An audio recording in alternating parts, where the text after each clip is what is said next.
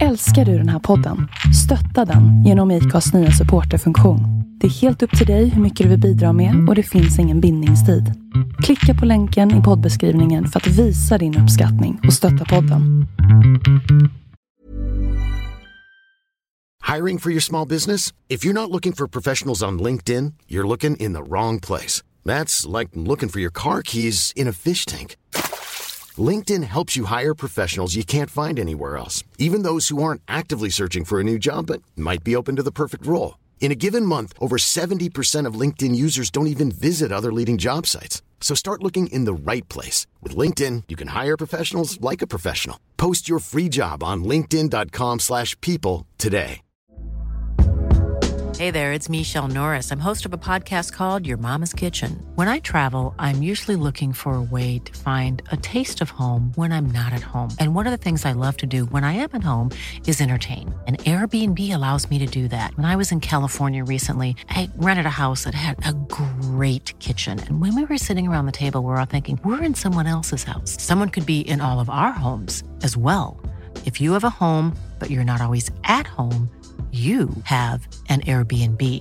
Your home might be worth more than you think. Find out how much at airbnb.com/slash host.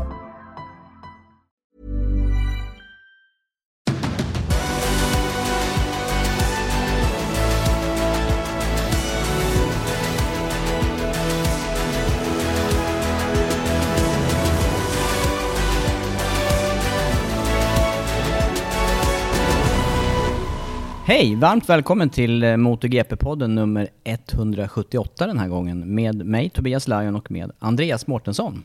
Hej Mårtensson! Hej Lion! Du, eh, hur känns det idag? Det känns bra. Eh, våren har äntligen kommit och det ska bli en kanonhelg vädermässigt. Synd då att vi sitter inomhus. Ja, och i Sverige kan man ju tillägga, för det är inte säkert att detsamma gäller i eh, Frankrike. I alla fall eh, temperaturmässigt så är jag lite mer tveksam. Jag har ju nämligen varit väldigt mycket på den här banan, Le Mans, som, som väntar i helgen och mycket variation i vädret kan jag säga. Mm. Och eh, tittar man snabbt på väderprognosen så är det väldigt blandat. Men den, största, den, den bästa dagen som det ser ut att vara uppehåll för i det är på söndag. Det låter skönt för långa racet. Men däremot så vet vi ju av det vi har sett i år redan hur, eh, hur mycket det kan ställa till det här med vädret redan tidigt. Och vi hade ju faktiskt ett, eh, ett oerhört spännande kval senast på mm. Jerez. Det kan bli väldigt spännande fredag, det kan bli spännande lördag med eh, växlande, men sen så till söndag så ser det ändå ut att bli uppehåll som det ser ut just nu då. Men det är bara onsdag än. Mycket kan hända. Mm. Femte racehelgen är vi alltså på väg in mot och vi utlovade ju uppsnack inför eh, den helgen. Och eh, det kommer vi hinna med i den här podden. Vi kommer att eh, behandla 78 och vi kommer att eh, kika på de senaste nyheterna som har eh, släppts den här veckan. Och eh, dessutom lite senare i podden eh, snacka med Jesper Peljeff som äntligen har slagit ett 33 år gammalt banrekord och det är på Anderstorp i mm. Superbike-premiären här. Mm. Det har ju i högsta grad med MotoGP att göra, eller 500. För det mm. var ju mm. Wayne Rainey som hade det gamla rekordet på 1.31.1. Satt 1990. Jag var på plats på det där racet, men då var ju inte samma... Ja, jag hade inte samma fokus på tider, utan det var mera allmänna raceupplevelsen. Men det är länge sedan. Det är ett tag sedan. Sen sitter det någon här mitt emot mig också som har haft det här banrekordet tidigare. Men när satte du ditt eh, ja, banrekord, varvrekord? Mm. Det var ju inte banrekord, för det var ju Rainy fortfarande. Jag eh, körde 32,8 som snabbast under race.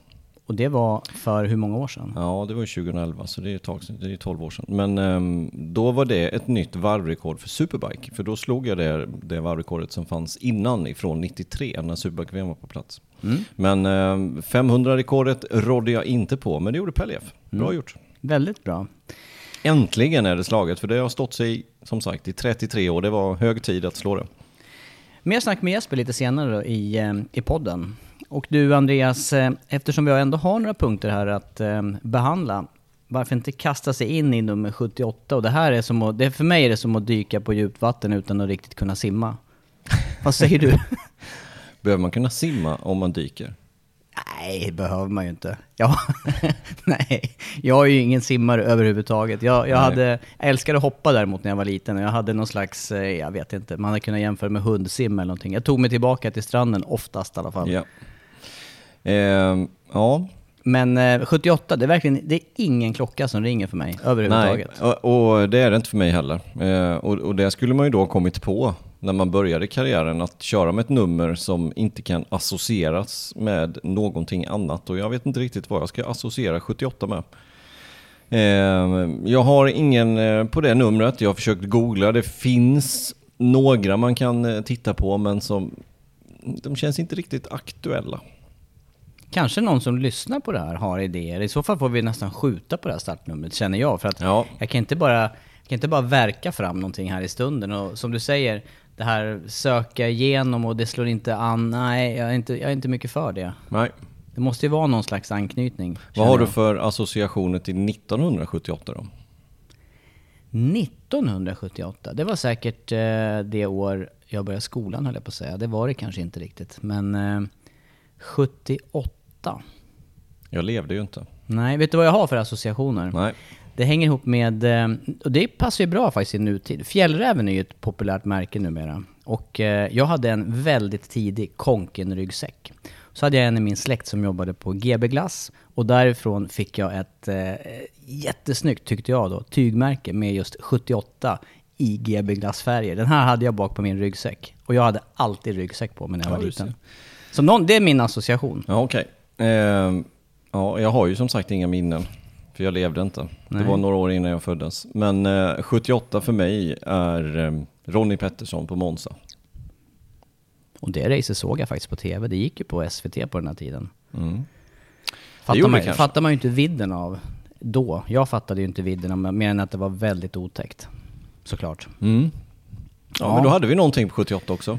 Ja, Inget fra- startnummer dock. Nej, och det får du som lyssnar bidra med så får vi...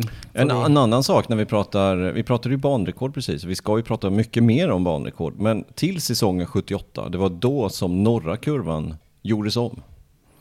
Och det här så- är den efter flygrakan eller? Ja, exakt. Mm. Den var ju mycket mer öppen innan, innan dess. Och då var det lite tveksamma säkerhetsavstånd då till läktarna där kan jag tänka mig. Ja, det kan man säga. Eh, Men till säsongen 78, då har vi en till sak. Mm. Som har med dagens podd att göra. Ja, vad spännande. Då har vi lite, grann, lite annat att fånga upp då kring, kring 78. Men då är vi ense där Andreas, att vi släpper startnummer 78 just nu. Vi gör det. Eh, Och är det någon som lyssnar som eh, funderar på någon annan eller har någon annan som tänker på en 78 som vi totalt har glömt bort. Hör av er. Då vill vi veta vem det är som vi har missat. För är, vi har missat någon, någon gång. Vi har blivit påminda att nu glömde ni någon förra, men det var ett tag sedan nu. Ja, det var det. Du, vi går vidare med nyhetssvep eh, och eh, det är ju som sagt var mitt i veckan, onsdag. Det har inte smällt till det här sista inför helgen, men, men en viktig nyhet är ju faktiskt att Marc Marquez är tillbaka. Han gör Ja. comeback till Frankrikes Grand Prix nu i helgen. Och beredd bredvid sitter eh, Jesper Pellief det är dags för dig att göra debut i MotoGP-podden. Du eh, Jesper, välkommen. Tjena, tjena. Jättekul att ha mig här, eller vad man ska säga. Jag tycker det är kul. Du, eh, berätta, berätta lite kort eh, om dig själv. Vem är du? ja, jag är eh, 23 år gammal, eh, sysslar med roadracing, har gjort det ja, eh, Eh, så långt som jag kan minnas nästan, tänkte jag säga. Eh, sen eh, ja, 2008 kanske. Eh, så ja, sysslar med roadracing och kör så mycket motorcykel som jag bara kan liksom. Och för att lyssna på avsnittet i sin helhet behöver du bli Patreon-medlem. Gå in på patreon.com MotoGP-podden. Det ger även tillgång till vår Facebook-grupp som är exklusiv för Patreon-medlemmar.